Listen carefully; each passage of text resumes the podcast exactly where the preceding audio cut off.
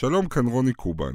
אני מגיש את התוכנית פגישה שמשודרת בכאן 11, אבל לטובת אלה שמעדיפים להקשיב או שאין להם זמן לצפות בבית, הכנו לכם גרסת שמע של התוכנית שתעלה בעמוד הפודקאסטים של כאן מדי שבוע.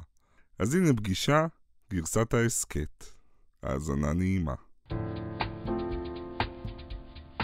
45 שנים חלפו מאז שיהודה אטלס הוציא את "והילד הזה הוא אני", ספר השירים שהפך לתנ"ך של דורות שלמים וחולל את המהפכה האטלסית בספרות הילדים שלנו.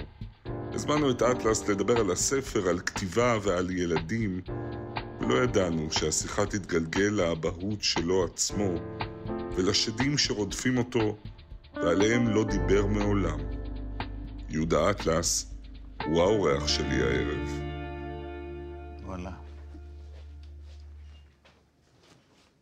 שלום יהודה. שלום, שלום. וואלה. הגזמתם. לילד הזה הוא אני. וואו. איזה יופי. פעם, אתה רואה פעם הראש היה שחור לגמרי, הראש, הזקן, הכל. תמונה אחת שככה... אה, רגע. אני מאוד אוהב את התמונה הזאת. היו הולכים אז עם כזה מכנסיים, עם, אתה מבין, כתפיות וכאן כזה. אה, כאן אני בן אה, שלוש, ארבע, משהו כזה. אני מאוד אוהב את החלונות. זה דני קרמן. נכון. והוא לא המציא את החלונות. אה, אז- היה לו חבר שהוא התייעץ איתו ואמר, תעשה חלונות. עכשיו, הקיר הזה מלא בספרים במילים שלך, ואני רוצה להתעכב לרגע על המילה שאולי הכי מייצגת אותך. אני. והילד הזה הוא אני. אחריו באו גם הילד הזה הוא אני. ורק אני הספר- לא, כל- אני רוצה שפתאום. כל ספרי. והילד הזה הוא אני, יש בהם את המילה אני. אבל זה לא טיפה אגואיסטי, האני הזה? הייתי רוצה... זה לא קשור לאני שידעו שלי. כולם, רגע, שידעו כולם שיש ילד אחד בעולם והילד הזה הוא אני. זה לא אוקיי. מסר קצת סוציומטי? שום דבר, שום דבר. זה לא רק אני קיים, זה גם אני קיים. אתם רואים את הילד שעומד שם בפינה? הילד הביישן הזה, זה אני. אם מישהו רוצה להיות חבר שלי, הוא מוזמן. אפשר להזמין אותך לפגישה? אפשר, כן? הנה, אתה יושב פה.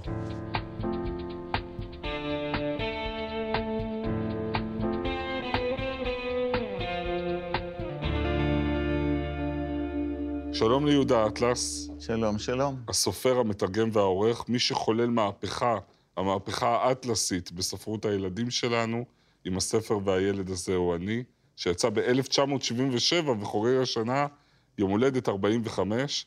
מאז כתבת ותרגמת עוד עשרות ספרים לילדים ולמבוגרים. זכית בפרס בן צבי, פרס זאב, פרס לאה גולדברג, פרס אקו"ם למפעל חיים, ובפרס היצירה לסופרים עבריים על שם לוי אשכול. אבא וסבא שמחים מאוד לארח אותך.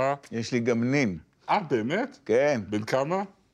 בן שנתיים ומשהו. אז הוא, אתה עוד לא קורא לו מהספרים. לא, לא. אנחנו נפגשים עוד בזמן השבעה על יורם תיארלב, המשורר והפזמונאי שהלך לעולמו בגיל 83, ותיארלב היה לא רק חבר טוב שלך, אלא גם בעצם האיש שבזכותו כתבת את והילד הזה הוא אני. בין השאר בזכותו. איך זה, מה הקשר? ספר. שנה לפני שהתחלתי לכתוב את והילד הזה הוא אני, כשעוד לא היה לי בראש בכלל, יורם תיארלב הוציא לאור את ספרו הראשון, משק יגור, טיוטה. שירים קצרים עם חריזה קלה, כאילו פשוטים אבל מאוד רגישים על הילדות שלו בקיבוץ יגור. אני קראתי את זה ומטתי. אמרתי, אני הייתי צריך לכתוב את זה לא על יגור, על עין עירון, הכפר שאני גדלתי בו. תן דוגמה, שיר ש, שממש... חג הביקורים. אתם יודעים איך זה ביקורים בקיבוץ, כן? כולם חבילות, יושבים על חבילות חציר, חרמשים, קלשונים, כדי חלב. אני יושב על חבילה של שחת, על ראשי זר ושושנים שלוש, ודוקר לי בתחת ודוקר לי בראש. עכשיו, אפשר לחשוב שיר מצחיק. זה לא שיר מצחיק. זה שיר שמספר על זה שהורים לוקחים הרבה פעמים ילדים לכל מיני מקומות, ונדמה להם שהילדים נהנים והילדים שם סובלים. כך שפת הים. אנשים באים עם הילדים לשפת הים וכל הזמן צועקים עליהם, איפה אתה? למה הלכת? למה זה? למה הכנסת עם מהגלים." הרגל חול לחומוס? וכל זה. חוזרים הביתה, אומרים, לקחנו את הילדים לים, הילדים מאוד נהנו.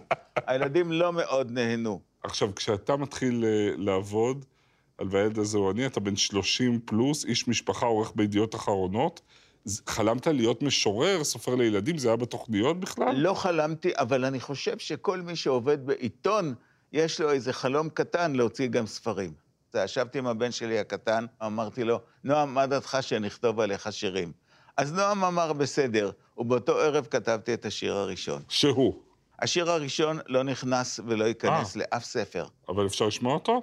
אפשר, אבל יש בו מילה לא יפה, מותר להגיד את זה בטלוויזיה? אה, אני חושב שנסתדר. אוקיי, השיר הוא זה. אני, אגב, כשאני נפגש עם ילדים, אני גם כן עושה להם teasing כמו שעשיתי לך. בטח נורא רוצים. אבל אני אומר, אני אגיד לכם את זה, אבל אני מנסה, לה, אנסה להסביר לכם את ההבדל בין שיר טוב לשיר לא טוב. אוקיי. והנה השיר, מי שבא לבקר ולא מביא לי מתנה, אני חושב שבעצם הוא בן זונה.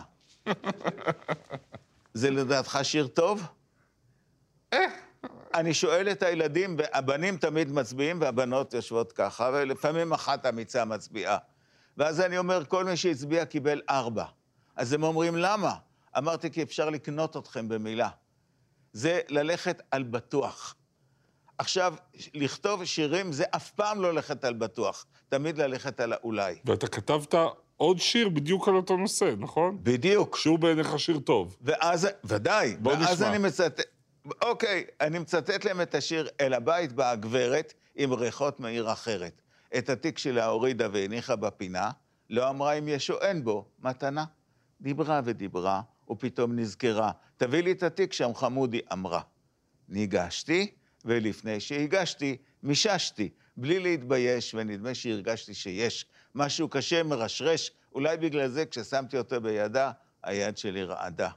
היא נשקה אותי ואמרה שאני מתוק כמו אלף סוכריות, ופתחה את התיק והוציאה גפרורים וקופסת סיגריות. ועכשיו חמודי אמרה, תביא לי גם מאפרה.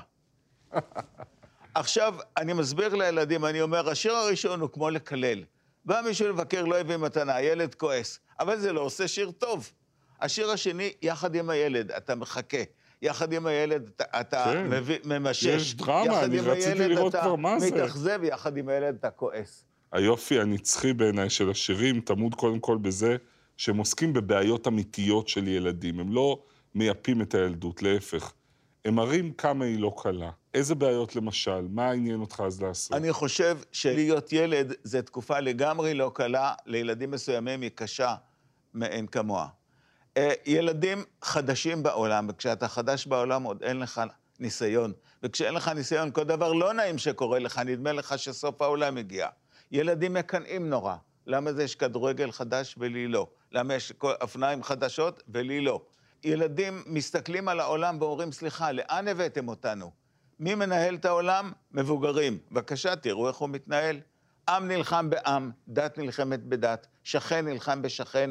להיות ילד זה לא תקופה אני כל נחמדה. כך מסכים איתך שלהיות ילד זה מורכב ומסובך, אבל תגיד, מאיפה, הרי זה מפעל חייך, מאיפה המוטיבציה הזאת, החזקה היא בוערת בך להביא את האמת על הילדות לשירי הילדים? תראה, כשהתחלתי לכתוב, החלטתי שלוש החלטות. א', לכתוב קצר, ב', לכתוב פשוט, וג', להגיד את האמת. להגיד את האמת על חיי ילדים, על כל מיני דברים, נקרא לזה, הסמויים מן העין. והקסם הנוסף הוא באמת הסגנון, שהוא ישיר, פשוט, בעברית מדוברת, חכמה וכובשת. כמעט כל השירים בספר הם פנינים, אני רוצה לתת דוגמה אחת שאני אוהב. אבא ליווה אותי לאימון כדורסל, ובזמן שחיכה לי, הוא נרדם על הספסל. אני יודע שהיה עייף, כבר קודם הרגשתי, אבל כשהילדים... וואי, מרגש אותי להגיד את זה. כשהילדים אני האבא, הסתכלו, במקרה הזה. נורא התביישתי. אה, זה עליך אני כאבא? האבא, כן. עוד דבר שנמצא אה, בשירים, ואני חושב הוא חלק מסוד ההישרדות שלהם, זה שבכלל בטוח שהם שירי ילדים. למשל, שיר כמו כשאני מספר לך משהו ואתה כל הזמן רק יופי יופי משיב, אני יודע שאתה בכלל לא מקשיב. או, אם איזה ילד נותן לי מכה ובורח, אני מתכנן עליו כאלה נקמות, שיש לו מזל שאני שוכח. זה לגמרי חסר גיל. תשמע, השירים התחילו מהבן שלי הקטן, אחר כך יש לו אח גדול, נזכרתי בילדות שלו, נזכרתי בשלי, נזכרתי בילדות של כל הילדים שאני מכיר. אבל בסוף גיליתי משהו שגילו אותו מזמן לפניי, והוא שאני לא צריך, שאני לא צריך להסתכל על ילדים כדי, כדי לדעת איך ילדים מרגישים. אני יכול להסתכל על עצמי, אני כבר לא ילד, בן כמה אתה היום, יהודה? אני בן 85 בעוד חודש. צוציק. כן, ילד קטן. דרך הילד שלא מסתיר מה הוא מרגיש ומה הוא, אה, מה הוא חושב, אני כאילו מגלה איך זה להיות בן אדם, איך זה להיות אנושי. בתוך הראש אנחנו ילדים שמחכים שההורים יהיו גאים בנו, וזה, והם מחכים לאהבה. זהו זה.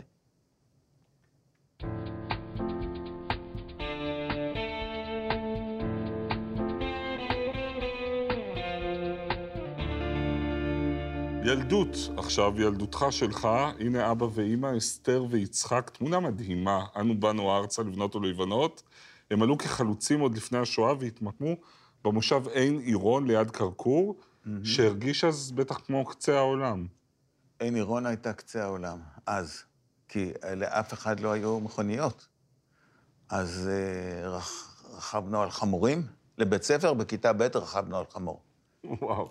עכשיו, אתה עולה על חמור, אתה יודע מתי אתה יוצא, אתה אף פעם לא יודע מתי אתה מגיע. עכשיו, ההורים כל זה היה- הזמן היו, עבדו, נכון? זה חקלאים. ההורים שלי עבדו מבוקר עד לילה. בבוקר היו קמים במיטה, מדברים חצי שעה ביידיש. ביידיש עושים את החשבון, וביידיש מדברים על דאגות. מה צריך לעשות, וזה, ואף פעם לא הספיקו לעשות כל מה שצריך. זה היו חיים קשים, עבודה פיזית, ולא נגמרת אף פעם. אתה מבין? אחרי הכל צריך לחלוב בערב, וצריך להכניס את. את הירק לפרות דרך החלון. החיים היו משעממים קצת. זאת אומרת, חוץ מעבודה לא היה כלום. אבל לא. היה דבר אחד, וזה הספרייה. היה ספרייה. שלושה ארונות שהעדיפו ריח של ספרים. היום אני יודע שהריח הזה זה ריח של עובש, קצת. אה, היו, והיינו מחליפים, היה מדור לילדים גם, והיינו קוראים ספרי מבוגרים בגיל די צעיר. ועד היום ריח של ספרים עושה לי את זה. והיחסים עם ההורים, איך היו? עם אבא שלי היה לי בעיות. הוא היה מפליק לי, כן? אה, אה, כל ההורים היו חובטים בילדיהם, בזה, לא, הוא הרביץ רק כשהגיע לי. ויחד עם זה אני לא אהבתי את זה, ועל כן אנחנו, היה בינינו מרחק. אני לא- איך הוא היה מרביץ לך עם חגורה? לא חס וחלילה, לא חגורה ולא סתירה אפילו. אז איך? בטוסיק, הוא אמר, הטוסיק מרופד, זה כואב, אבל זה לא מזיק. ועד היום נראה לי לקבל סטירה כעלבון איום ונורא. אי- איום ונורא. יום אחד נשכתי ילד, ואבא שלו בא וסיפר לו, וזה היה אחרי הצהריים. הוא היה מתקין באותו יום אה, אה, שרפרף חדש לרפת. מקציע וחותך ואת הקרשים ותוקע מזמר, נותן לי לתקוע מזמר, אומר, תשב, שנראה אם זה טוב. ופתאום בא אבא של כוכב, כוכב קראו לילד, צל"ש רמטכ"ל, כן? טייס הליקופטר נעשה. וסיפר שנשכתי אותו, ו- ואז הוא פשוט, אני, הוא היה כל כך נחמד קודם, ואז בתוך כל הנחמדות בא אבא הזה, וראיתי איך הפנים שלו מתרבעות. והוא ניגש אליי והתחיל להפליק לי מכות חזקות מאוד. והוא אמר, הילד שלי לא יהיה נושך, וככה. אז uh, מאותו יום לא נשכתי. אז תגיד, אז זה עוזר. אז זה עוזר מכות, כן? אני שואל אותך, זה עוזר? לא. הפסקתי לנשוך, אבל גם הפסקתי קצת לאהוב אותו. זה העניין. אתה מכה ילד, אתה מכה ילד, אתה אומר לו שמה שקובע בעולם זה כוח. וזה דבר שאסור לעשות. אני, יש לי הרבה מאוד שירים על ילדים שחוטפים מכות, ואני נגד, ואהיה נגד תמיד. את הספר האחרון שלך, שנקרא ילדים של אף אחד, הקדשת לילדים בסיכון, וזה נולד גם מתוך זה שאמרו לך, נכון, היית באיזה אה, אה, הרצאה, ובסוף קמה מישהי ואומרת לך מה? ההרצאה הייתה ל, ל, לעובדים סוציאליים ולפסיכולוגים וכל זה. ובסוף אני שואל אם יש שאלות. קמה אישה, קוראים לה שלומית לוסטיג, ואומרת, יושבים כאן 200 אנשים שעוסקים בילדים בסיכון. חלק מהם, ואני ביניהם, עוסקים בילדים בסיכון הכי גבוה שיש. היא אומרת, אין לנו אפילו בדל של טקסט, שיר, סיפור, משהו שאנחנו יכולים להשתמש בו בשעת הטיפול בילדים. כל מה שאתם כותבים, היא אומרת, זה אבא, אמא, שני ילדים מצפון תל אביב. ואני ידעתי שהיא צודקת. ואז, שבע שנים, ו- חקרתי את הנושא זהו, הזה. מה שמרתק, שכמו עיתונאי טוב, אתה באמת יצאת לשטח, פגשת גם ילדים, פגשתי פחות ילדים, אבל כאילו- פגשתי אנשים שהיו בילדותם ילדים בסיכון. תשמע, כל שירי פנימייה, מוסד, כן? זה הכל מהשיפוצניק שלי. היום הוא בן 52, תאמין לי, אין לו כלום. אין לו כלום. מי שהיה ילד בסיכון, נשאר הרבה פעמים אדם בסיכון. הספר הזה הוא ספר הופך בטן, הוא עוסק בחומרים הכי קשים. אני אקריא דוגמה, והיא מאוד קשה. זה שיר בשם אהבת אב. מה? כל פעם כשאבא גומר, לפני שהוא חוזר לישון עם אימא, הוא רוכן קצת קדימה, מרים לי את הרגליים מעט, ועוטף אותן לאט-לאט בכיסוי המיטה העלוב, וכך אני יודעת שוב, אחרי שאבא היה בתוכי, שאותי הוא אוהב, אחי. אחי. וואו, זה קשה מאוד מאוד. אתה חורז גילוי עריות ואונס. תשמע, יש בארץ, על פי אומדן, 500 אלף ילדים בסיכון. חלק מהם חווים את ה... אני רואה שאתה... כן. שזה מביא... המספר הזה נורא, אם המשפחות, מה זה? זה שישית מהאוכלוסייה? זה לא ייאמן. ואני, כמו, כמו שבילד הזה, אני אמרתי, אני רוצה להגיד את האמת, גם פה אני רוצה להגיד את האמת. מאחורי כל שיר שכתבתי, מסתתר סיפור אמיתי. יש לי פרק שלם על שירי אה, אה, התעללות מינית בילדים. אני משתדל להיות אה, מנומס שם, לא להגיד את הדברים ממש ממש, אבל לפעמים אני אומר אותם ממש. אבל כמו שאמרת, זאת ישראל של הצללים, ישראל שאתה מציג בספר. אה, אתה הופתעת לגלות אותה? כן, וצריך לדעת, הדברים שאנחנו נרתעים מהם, למשל כמו אה, התעללות בילדים, הם נפוצים. והם נפוצים גם בישראל הראשונה, גם באליטה הישראלית. אני רוצה להקריא שיר שהוא הלב האליטה. אבא שלי הוא איש מפורסם, נערץ מכובד גם מעבר לים. אמן מקורי, שנון ומקסים, דוקטור כבוד וחתן של פרסים. יום אחד אני אדע בוודאות, הוא ידליק משואה ביום העצמאות. אבל הרחק מההמון, אצלנו בבית, הוא בכלל לא יונה עם עלה של זית. מעניין מה יקרה אם ידעו האנשים, איך הוא מעליב ואיך הוא מאשים. איך מי שידוע כרגיש ועיניו, אכזרי וקשוח אל שני בניו. איך האמן הנפלא והאיש של כולנו פוגע תמיד גם באימא שלנו. והעלבונות והמכות והקמצנות והעצבים, השקרים, הנקמנות, איך מכל האנשים בעולם ובעמו, האיש מעריץ רק את עצמו, ותמיד מבקש רק עוד ועוד שבחים, תהילה, פרסום וכבוד, איך האיש שמדבר בתבונה ובטעם, רק את נפש ילדיו לא הבין אף פעם. והשיר הזה, בבית ובחוץ, נולד מתוך היכרותך עם גליה עוז, בתו של עמוס עוז, ואתה כתבת אותו על בסיס דברים ששמעת ממנה? השיר הזה נכתב אה, שלוש שנים לפני שגליה כתבה את הספר שלה וסיפרה את אה, מה, מה, מה קרה בינה ובין אה, אביה. אני מכיר את גליה, היא חברה מאוד טובה שלי, ידידת נפש שלי, ואני יודע שמה שהיא כתבה ומה שהיא סיפרה, מנקודת הראות שלה, זו האמת. אה, יש כמובן נקודת, נקודות ראות נוספות בעניין הזה. אני חושב שבכלל יחסים עם ילדים ויחסים בין אנשים לפעמים תלויים באיזה מקרה אחד. שוב, אני, אני רק מנחש. מקרה אחד, בסיס לטראומה. כן. כן, מקרה אחד. זאת אומרת, נגיד, אבא כועס על הילד ומעצבים מכניס לו סטירה. הילד לא אהב את הסתירה הזאת, אז הוא כבר תוקע לאבא בהזדמנות אחרת, ואז אבא תוקע לו, ומכאן מכאן יחסים מת, מתקלקלים. צריך להיות נורא רגיש ביחסים עם ילדים.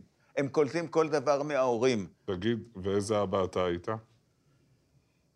אני חושב שאני הייתי אבא טוב, אבל אה, אני נפרדתי מהאימא של שני הילדים הראשונים שלי, ו... כשאתה נפרד מאימא של ילדים, אתה לנצח אה, תרגיש אה, רגשי אשמה אה, עם הילדים האלה. רגשי אשמה כלפיהם. עובדה, אני עזבתי את הבית, אני השארתי את הילדים שלי עם אישה שאני... אמ, זה קשה לי, קשה לי לדבר על התקופה ההיא, זו הייתה תקופה בכלל, קורה שבן אדם מסתכל פתאום על החיים שהוא חי, ואומר, איך יכולתי לחיות חיים, חיים, חיים כאלה? לא הלך טוב, הנישואים הראשונים שלי. לא הלך טוב. אני שאלתי איזה אבא היית, לא שאלתי אותך על, על, ה... על ה... איזה אבא אני...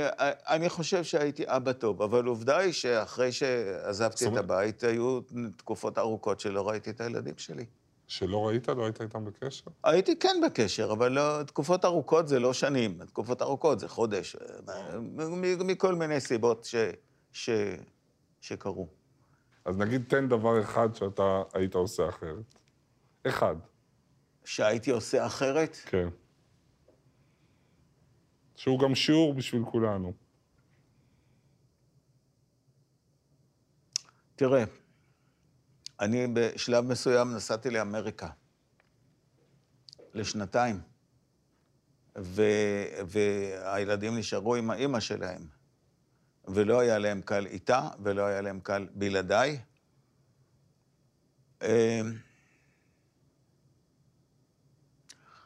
אני זוכר שהייתי אצל דני קרמן, המאייר שלי והחבר שלי, וואו, אתה מוציא ממני דברים שלא דיברתי עליהם אף פעם. וסיפרתי לו על הקושי שלהם כשבאתי לביקור מאמריקה. ואז דני אמר, אם יש לך רגשי אשמה, תחזור מאמריקה ותהיה עם הילדים שלך. הוא אומר, רגשי אשמה לא נועדו רק להתקשט בהם, אלא לעשות משהו ב... ב, ב בעקבותיהם. ואני לא חזרתי, נשארתי באמריקה שנתיים.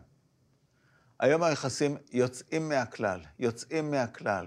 יש לי ילדים נהדרים, מדהימים, והיחסים איתי נהדרים.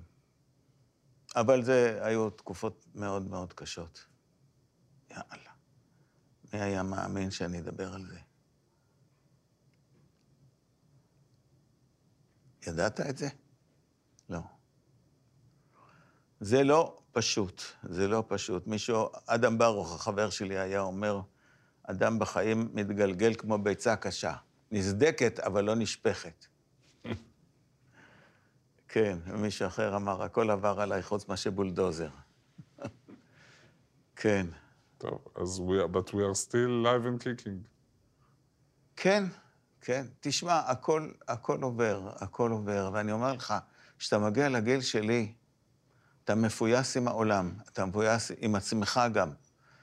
אבל אני רואה כמה, כמה אתה מתייסר כשאתה מספר על זה. לפחות דיברת איתם על זה בדיעבד? התנצלת? ליבנתם לא, את זה? לא התנצלתי, אבל אני לא חושב שזה זקוק להתנצלות. אבל לא, לא ביררתי את זה איתם אף פעם, על מה עבר עליהם בתקופה ההיא. ודיברתי פעם עם נועם, ואמרתי לו, אולי נשב ונדבר.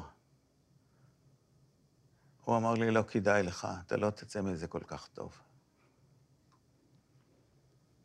זה קורע לי את הלב עד היום. אבל מה לעשות? איך אומרים, מה שהיה היה, מה שעבר עבר. כן.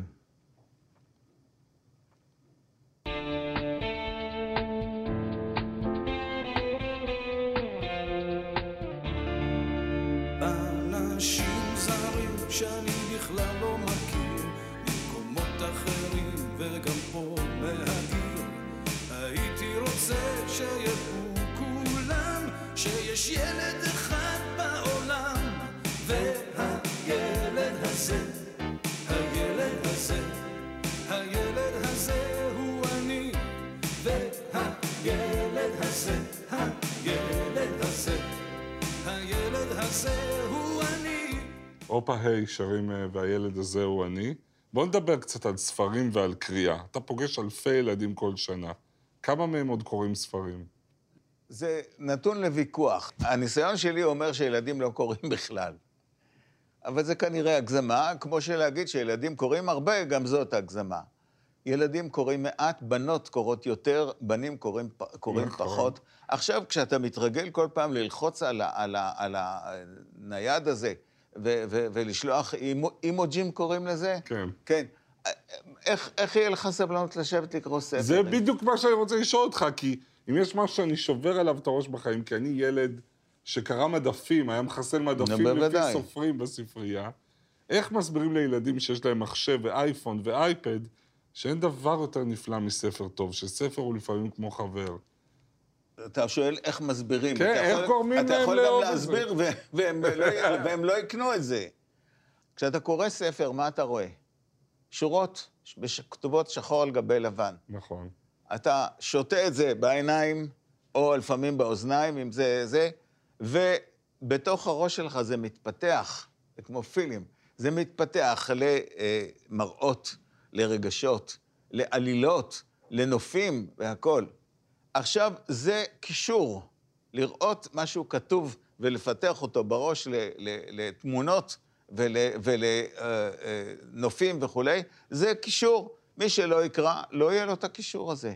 עכשיו, אם אתה קורא ספרים, זה לא מביא לך שום מניה חברתית. שום דבר. אתה יושב בצד וקורא ספר, או יודעים שאתה קורא, אתה חננה, אתה חנון. מי הילדים הפופולריים? מי הילדים הקוליים, כן? מי? החוצפנים, המצחיקים, הילדים אה, ש, שיודעים להתלבש, כן, הילדים המותגים. גם שיש להם אולי הייתה- היה אבא, אבא עם אצלנו אחד מכונית. כזה, שנאתי אותו. בקיצור, כן, לא ה- לזה. לא הילדים שקוראים ספרים. ואיך אתה עם העברית שילדים מדברים בימינו? זוועה. זוועה. תביא לי את הזה של הזה. הם מדברים בערך ב-700 מילה. עכשיו, מי שמדבר ב-700 מילה, גם בראש יש לו רק 700 מילה. אה, דלות הלשון היא גם דלות המחשבה. זה העניין. יהודה, אנחנו לקראת סיום, אתה, איך אתה? אני בסדר, שאלה איך אתה. נפלא לי. מה יכול להיות יותר טוב? אני רוצה לסיום לדבר איתך קצת על המחקר שעשית, על הסופרים הגדולים בספרות הילדים העולמית.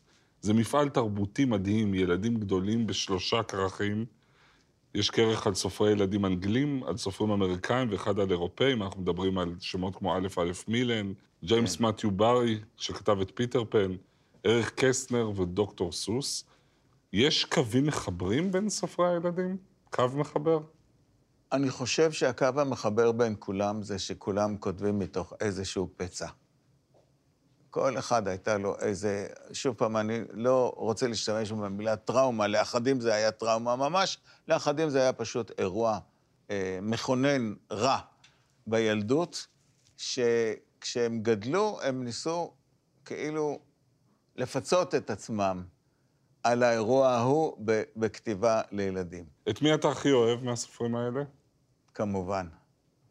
א' מי? א' מילן, אהוב א', לבך, מילן. פו הדוב. פה הדוב זה ספר חיי, זה הספר הכי חשוב בעיניי. על יד מלחמה בשלום עומד, עומד כן, עומד, עומד פה הדוב. פו עם איה וחזרזיר כן, וכל החבר'ה. כן, אבל זה, זה מיקרוקוסמוס, הרי כל אחד מייצג איזו תכונה אנושית.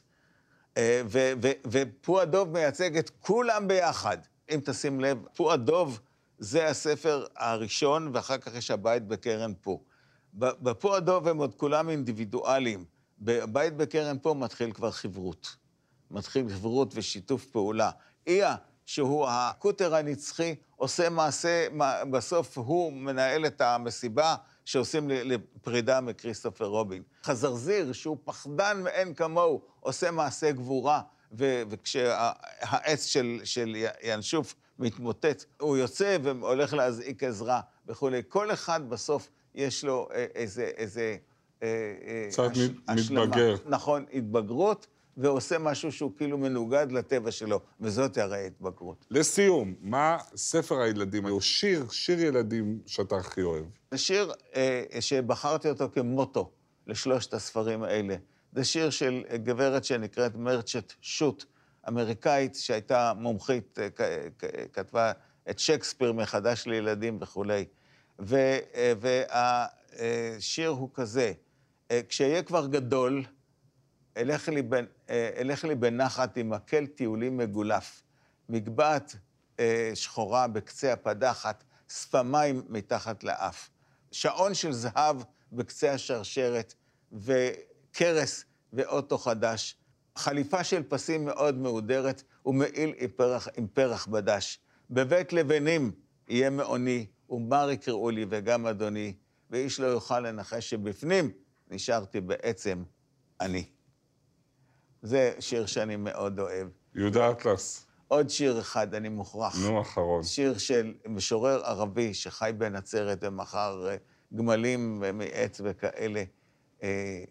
ברח לי השם שלו, אבל השיר הוא כזה. ואחרי 60 שנה הבנתי שהמשקה הכי טוב זה מים, והאוכל הכי טוב זה לחם, ואין תכלית אחרת לאומנות אלא להביא מעט נחמה לבני האדם. יהודה אטלס, איזה מילים, היה כזה כיף איתך. תודה רבה רבה על כל מה שכתבת, ותודה רבה שבאת, ועוד הרבה שנים פוריות אני מאחל לך. תודה רבה שהזמנת אותי. תודה רבה. תודה רבה. היה ממש כיף.